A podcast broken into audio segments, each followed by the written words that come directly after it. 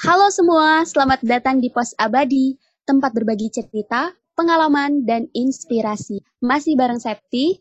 Di sini ada Aris di Pos Abadi.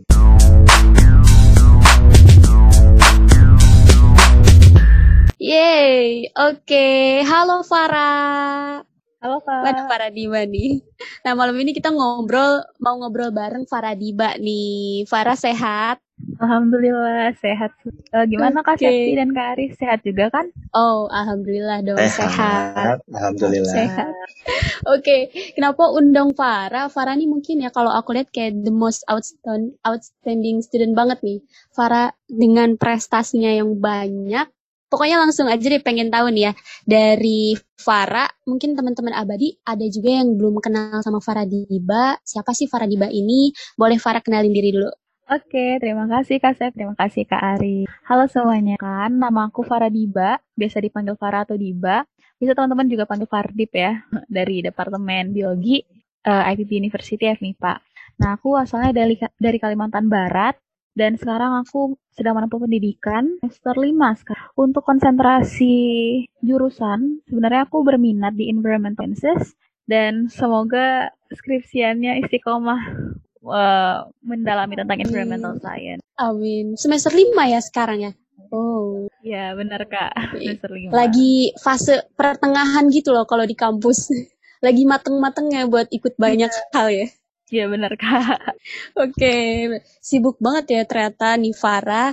Walaupun online, tapi kegiatannya juga cukup banyak. Nah, Farah, sebelumnya aku mau tanya dulu nih. Kamu nih sebenarnya mapres atau duta IPB atau IPB Outsko atau semuanya gitu? Sebenarnya Farah ini ikut yang mana? Oh, iya Kak. Apa tuh? Baik Kak. Ya, jadi Farah itu sekarang sedang uh, mengikuti seleksi ya, seleksi siswa berprestasi tingkat IPB University mewakili FMIPA. Seperti nah, untuk duta IPB beda ranah nih Kak, beda ranah. Jadi saya tidak uh, mengikuti IPB dan untuk IPB Outscope itu adalah sekolah mahasiswa berprestasi. Farah udah mengikuti out sejak semester 1 seperti itu. Jadi persiapan untuk prestasi melalui Outco. Nah, untuk seleksinya sebenarnya baru dilaksanakan beberapa bulan yang lalu. Yang dari departemen, fakultas, hinggalah fase terakhir adalah seleksi prestasi itu, Kak. Oke, jadi sebenarnya eh, mapresnya itu yang lagi ditekenin banget sekarang. Dan dari dulu ya. Iya, benar. Ya, dari semester 1 udah ikut. Nah, kira-kira aku mau tanya nih, Farah, apa sih yang bikin Farah pengen banget atau eh, emang beneran pengen gitu ikutin Mapres atau nggak nyangka aja tiba-tiba masuk? Gimana ceritanya Farah? Untuk mahasiswa berprestasi sendiri udah Farah tulis 25 mimpi yang waktu MPKMB kayak gitu. Waktu di MPKMB kan kita di atau dikasih tugas ya, dikasih tugas untuk menuliskan mimpi kita apa, mau jadi apa di IPB dan sebagainya. Jadi Farah itu tertarik memang awal-awalnya Farah terinspirasi dari Kak Arga, Kak Arga Putra Panah, mahasiswa berprestasi IPB tahun 2018. Menurut Farah sendiri, orang dan semua mahasiswa itu mempunyai pilihan untuk ia mau selagi ia ingin atau willing untuk mengeksplor dirinya. Dan ketika Farah melihat pengalaman-pengalaman dari berprestasi dan ranah yang akan dikerjakan itu seperti apa, Farah itu sesuai dengan cun Farah, seperti lomba, Farah seminar, seminar, ke eh, event nasional, serta Farah eh, dari niat Farah yang terdalam ada ingin membagikan pengalaman-pengalaman ini jadi eh, menjadi manfaat kepada teman-teman apabila teman-teman butuh untuk review lomba-lomba kayak gitu. Karena Farah udah mempunyai pengalaman terlebih dahulu ya kak. Dari manfaat dari kakak-kakak ma- materi-materi tersebut dari nutrisi tersebut Farah em, berharap ini juga Oke, ngomong-ngomong prestasi tentang di kampus, ngom- Mapres itu kan memang kebanyakan juga punya prestasi lomba-lomba kayak gitu. Tapi Farah sendiri ada gak sih kegiatan di luar kampus yang justru mendukung eh, Mapres ini juga gitu? ya oke kak nah untuk kegiatan di luar kampus ya kak dan di luar Farah dari semester 3 menginisiasi sebuah komunitas bersama juga dari itu di Kalimantan Barat atas balik kayak gitu kita mempunyai program Sinako untuk eh, nama programnya itu Sinako berfokus kepada pengembangan desa desa-desa tertinggal yang ada di Kalimantan Barat. Nah, jadi itu programnya khusus anak-anak rantau Kalimantan Barat yang ingin kembali lagi ke desa. Alhamdulillah, kegiatan itu sudah berjalan selama 2 tahun. Alhamdulillah juga kita udah memproduksi eh, produk ya, produk olahan nasi sirup dan nugget dan udah dapat nomor PIRT sehingga desanya itu dapat menjual mandiri produk olahan-olahan tersebut. Dan alhamdulillah sebenarnya ini tidak direncanakan untuk mahasiswa berprestasi sih Kak. Jadi program ini memang uh, out of context sebenarnya dari mahasiswa prestasi, uh, tapi karena sudah berjalan programnya, ini Farah masukkan juga ke menjadi karya tulis Farah atau gagasan kreatif yang Farah bawa untuk bisa berprestasi, itu Kak. Oke, keren banget. Karena udah dua tahun yang lalu, berarti ketika kamu masih semester satu juga ya? Iya, benar. Oh, berarti emang udah aktif banget nih. Nih, Far, ngomong-ngomong tentang prestasi tadi dan kegiatan Farah yang banyak, sebenarnya nih ada satu pertanyaan besar yang pengen aku tahu. Struggle apa sih yang kamu alamin untuk bisa sampai posisi sampai ngecapai apa yang kamu mau ini? Struggle ya kak, suka duka lah. Kita iya benar. Mencapai posisi sekarang ini banyak kak sebenarnya banyak banget bintang. Ini kak terkait um, terkait banyak oposisi ya, banyak oposisi dari teman-teman, oposisi ya such kind of dosen-dosen yang uh, kurang mungkin kurang mengenai kegiatan-kegiatan yang dipilih mahasiswa. Seperti misalnya hmm, kita kan we only have two hands we cannot hold everything in our hands. Bukan begitu kak.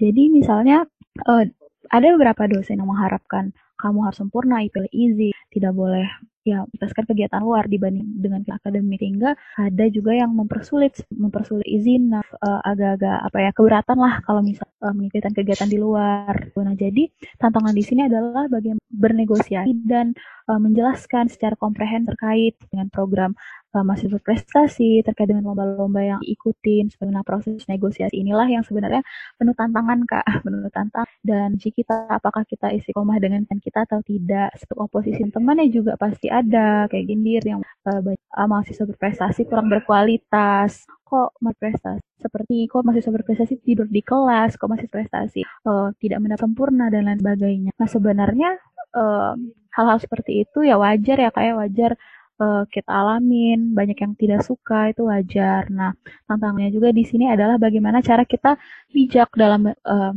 dalam menyikapi hal-hal tersebut. Nah, awal-awalnya memang agak susah sih Kak untuk mengontrol emosi, mengontrol perasaan agar tidak baper. Tapi seiring berjalannya waktu, ya mau nggak mau kita harus uh, deal with those kind of stuff kayak uh, logo pendapat-pendapat orang kayak jadi itu sih Kak Farah juga masih dalam proses untuk menjadi lebih tenang dan lebih tidak baper terkait tantangan-tantangan. Oke, okay. tapi ya emang ya mau orang lakuin apa pun pasti akan ada yang komen. Tapi sejauh ini yang udah kamu lakuin buat nanggepin semuanya itu kayak gimana Far? Untuk uh, respons ya. Iya, respon dari kamu yang diberikan dari negatif negatif talks atau bad mouthing dari teman-teman itu. Sebenarnya pertama Farah tidak ingin mengklarifikasi apa pun. Jadi ya terserah sih mereka mau apa ke Farah, mau berkomentar apa pun terkait dengan kegiatan Farah itu tidak masalah terkait dengan komentar-komentar mereka. Tetapi satu hal yang Farah ingin make sure kalaupun misal mereka butuh sesuatu, mereka butuh Farah untuk mereview jurnal mereka, mereka butuh Farah mereview paper mereka untuk lomba, silahkan ke pintu Farah terbuka untuk teman-teman ataupun untuk siapa pun yang ingin sharing, untuk siapa pun yang ingin bantuan ke Farah seperti itu. Jangan sekali, tapi uh, itu hal sih kak yang sekarang masih Farah perjuangkan uh, membantu semuanya itu bantuan inklusif juga ingin berjuang gitu, berjuang untuk mengembangkan diri maupun mengembangkan lingkungan. Oke, Far. Uh, saya cukup kaget ya Far ya uh, tentang suka dukanya ternyata saya nggak expect bahwa uh, dosen itu nggak mendukung kegiatan ini loh kaget juga saya. Ya kak ada ada beberapa lah kak yang mungkin sosialisasi ya mungkin yang kak sosialisasi yang kurang nah. dari dari dosen yang terlibat dalam pemilihan mahasiswa berprestasi ini maupun dari Dimawa yang mungkin kurang. Soalnya kan gini kan ya, uh, yang saya tahu ini kan ya, uh, dosen-dosen ini kan ingin hmm. mahasiswanya itu berprestasi gitu ya. Bahkan sa mungkin sampai diklaim bahwa oh ini mahasiswa prestasi FMIPA dari biologi misalnya. Uh, kalau misalnya mereka menghambat orang untuk berprestasi, tapi menuntut untuk di sisi lain menuntut untuk berprestasi juga, agak-agak uh, menyebalkan gak sih ya? Iya bisa dikatakan begitu kak. Dan uh, saya kira tuh uh, paling uh, apa tuh ya suka duka kamu itu lebih ke eko, lebih ke modal kali ya. Soalnya kan program kamu banyak dan pastinya butuh uang ya. Nah kalau un hmm. keuangan dan modal itu pasti nggak uh, setempat semua dari kamu kan? Atau gimana? Untuk modal sendiri ya kak, kalau hmm. lomba-lomba ya, kalau lomba-lomba atau di luar itu sebenarnya kita mengeluarkan uang kita ini juga mungkin untuk teman-teman yang informan kalau ingin ada yang berminat untuk ikut lomba baik nasional maupun internasional dari IPB itu akan memfasilitasi. Sistemnya adalah reimburse.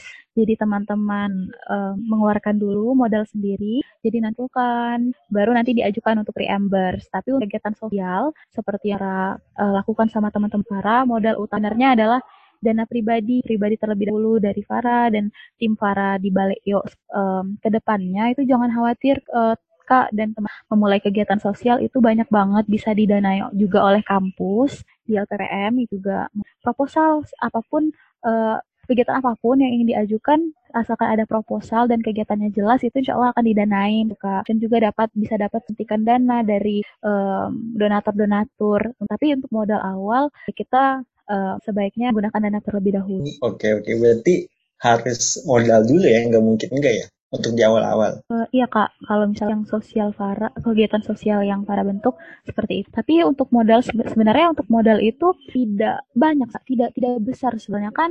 Uh, apalagi kalau misalnya kegiatan-kegiatannya kan tergantung kegiatan atau program apa yang akan dibawa. Untuk para sendiri itu saya tidak membutuhkan modal yang banyak karena memang kita memanfaatkan aktivitas nana. Kita akan paling biayanya untuk melakukan trial and error, trial and error untuk membuat nugget, sirup, biaya-biaya lain yang membutuhkan biaya besar ada. Terus nih, untuk uh, Farah sendiri, untuk menjadi uh, mahasiswa berprestasi ya, dari katakanlah bidang akademik atau non-akademik gitu ya, itu apa sih artinya buat Farah? Iya. Awal-awalnya Farah berpikir bahwa mahasiswa berprestasi siswa yang akan akan unggul di segala hal, misalnya akademik, lomba-lomba, dan lain lain. Sering berjalannya Farah mengenai artinya profesional di bidangnya. Soalnya Farah di biologi, Farah concern then I have to be expert itu. Farah tidak harus hebat di dalam MUN, Farah tidak harus di bidangnya. Sebenarnya Farah tidak passion di situ, Farah tidak um, mendalami hal tersebut.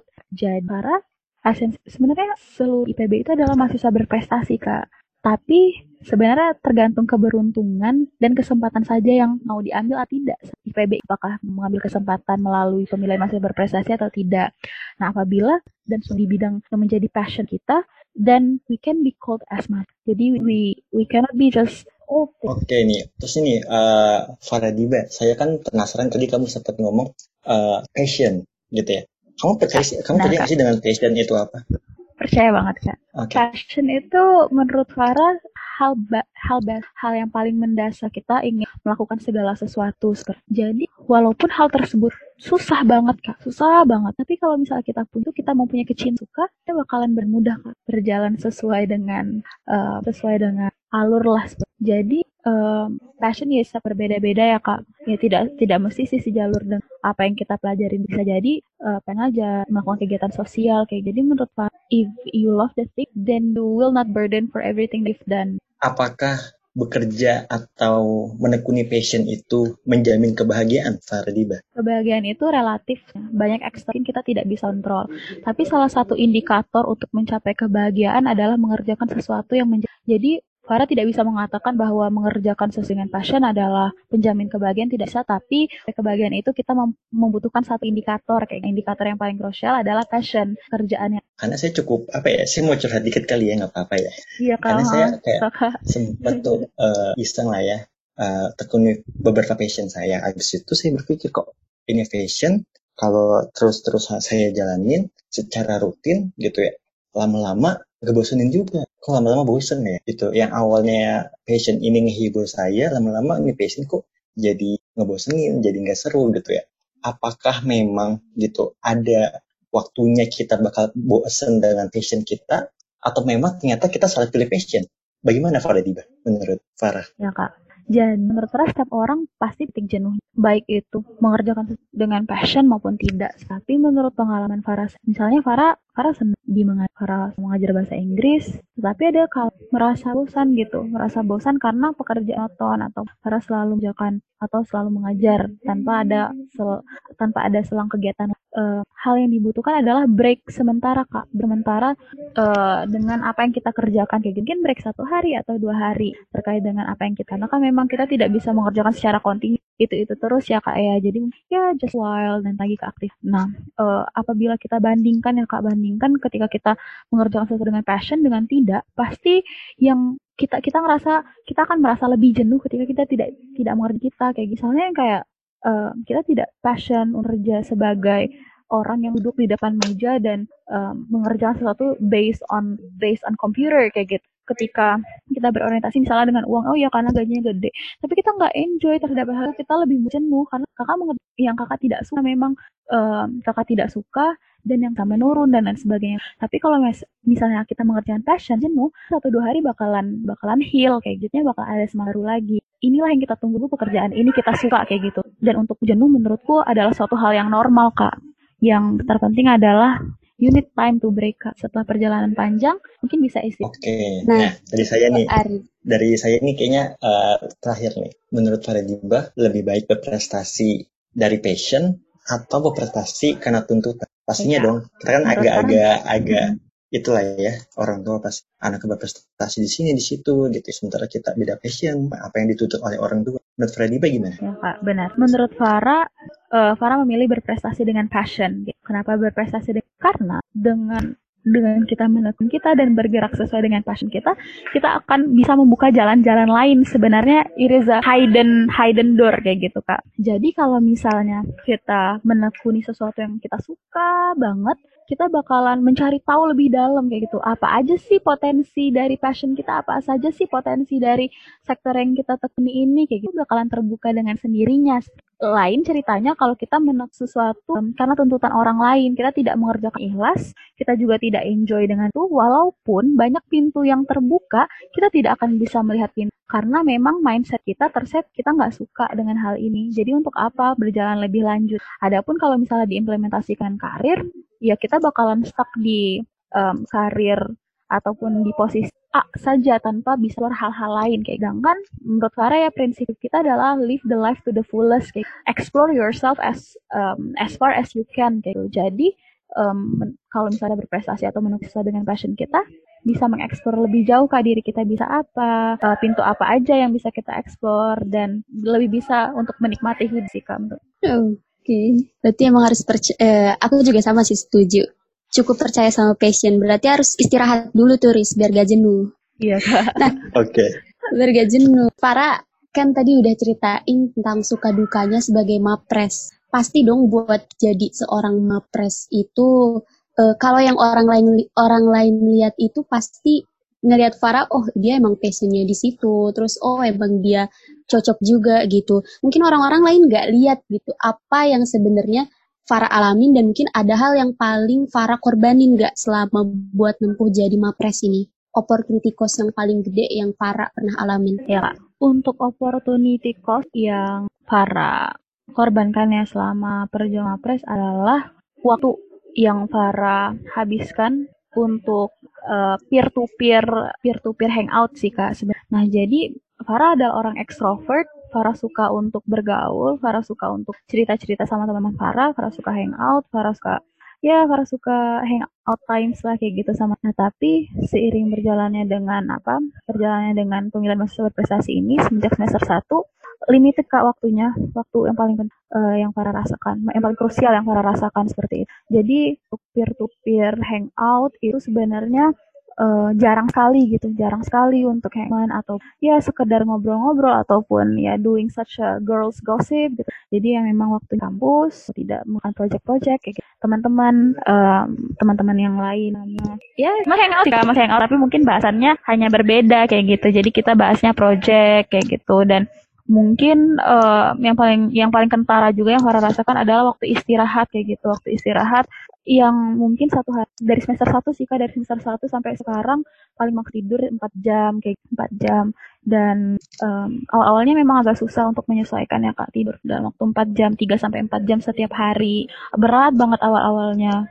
Tapi seiring berjalannya waktu udah mulai terbiasa gitu tidur 3 sampai 4 jam untuk waktu istirahat. Opportunity cost yang mungkin yang paling ketara ada waktu istirahat. Kamu ngerasa udah terbayar belum apa yang kamu korbankan tadi tuh? Uh, udah, udah Kak. Farah sendiri segala macam pengorbanan yang mungkin juga ada pengorbanan-pengorbanan lain. Itu sudah Farah ngerasa Farah puas dengan pencapaian sekarang regardless nanti siapa pun berprestasi mostly IBB dinam karena sekarang lagi seleksi ya kak. Karena sekarang lagi seleksi. Farah merasa Farah sudah cukup puas. Bukan cukup puas sih kak. Farah sudah puas. Puas banget ter, hmm, puas banget terhadap pencapaian yang sudah Farah sampai sekarang. Karena pencapaian ini menurut Farah bukan hanya pencapaian Farah tapi pencapaian orang-orang yang ada di sekitar Farah. Kayak gitu. Sini Farah juga melakukan um, diperjuangkan usaha-usaha yang dilakukan oleh dosen-dosen seperti Pak Windra, seperti Pak Jepri yang selalu hadir untuk membantu Farah, yang selalu meluangkan waktunya untuk membantu Farah, mem memperjuangkan uh, teman-teman juga, perjuangan teman-teman dari Departemen Bio. Dan sahabat-sahabat Farah yang Farah yakin bahwa uh, teman-teman dan pihak-pihak dosen juga uh, juga sudah puas dengan pencapaian ini itu. Aku sebagai mahasiswa biologi juga ikut bangga loh sebagai mahasiswa biologi dengan Farah yang maju sebagai mapres oh. ini. Oh, terima iya. kasih kakak. Iya. Alhamdulillah. Yang banget gitu. Oh iya, Far, kalau nggak salah aku ngelihat uh, Instagram kamu, kamu tuh bikin atau emang ada di sana nggak tahu itu ada namanya Kampung Inggris di daerah kamu. Iya, Betul nggak? Benar. Iya. Iya benar. Oh, gimana tuh? Ceritanya itu kamu yang menginisiasi atau kamu ikut komunitas di mana? Oh, untuk kampung Inggris itu kampung Farah di situ sebagai trainer kak.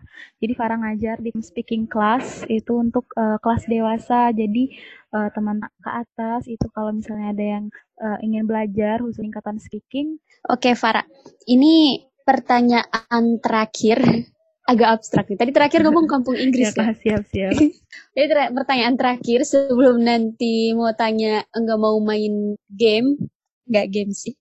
Pertanyaannya gini, kalau misalkan kamu punya kekuatan dan bisa melakukan apa saja, apa yang pertama kali mau kamu rubah dan mau kamu benahi? Ini konteks apa nih kak? Maksudnya seperti apa? apa pun yang emang Farah seneng banget dan Farah pengen boleh sesuai passion Farah juga. Wait, it's quite uh, it's quite hard question. Oke, okay, oke. Okay. apa apa yang ingin berubah? Bukan begitu? Iya, betul, betul. Farah sendiri karena Farah concern, Farah passion, Farah passion ngajar hmm. dan Farah sangat ngajar dan mindset dari pelaksanaan pengajar Farah melihat bahwa ataupun siswa-siswa ya kak sudah ditanamkan mindset terkait dengan pendidikan hafal, dan ya menghafal habis itu ilmunya volatil gitu nguap tanpa bisa diimplementasikan hal-hal selanjutnya karena memang belajar tidak dari passion belajar karena tidak suka belajar karena tuntutan yang uh, uh, Farah bahas nanti uh, sama Kak Aris gitu ya uh, tuntutan hingga ilmu yang diajarin tuh di sekolah maupun udah udah dimengerti untuk ujian doang lalu volatil kayak gitu. ya karena memang kita mengajarkan um, score is the best parameter to measure your achievement or not kayak gitu. karena memang orientasi kita ke prestasi ataupun nilai yang menjadi measurement ataupun uh, apa bahan ukur lah ya parameter parameter terkait kamu sukses atau tidak menjadi yang mungkin bisa diubah dan para capable terhadap itu adalah um, menjadi pengajar sih kak menjadi pengajar yang menekankan sistem passion dulu terhadap pelajaran itu enjoy dulu baru bisa belajar dan bisa mengimplementasikan um, pelajaran yang kita ajarin. Kita tidak tidak buat anak untuk menanamkan mindset bahwa nilai itu adalah segalanya seperti apa ini untuk dulu WhatsApp. Nah, tapi yang perlu kita tekankan adalah pemahaman pemahaman Kak, pemahaman pemahaman anak terhadap pelajaran-pelajaran yang dipelajarin kayak gitu.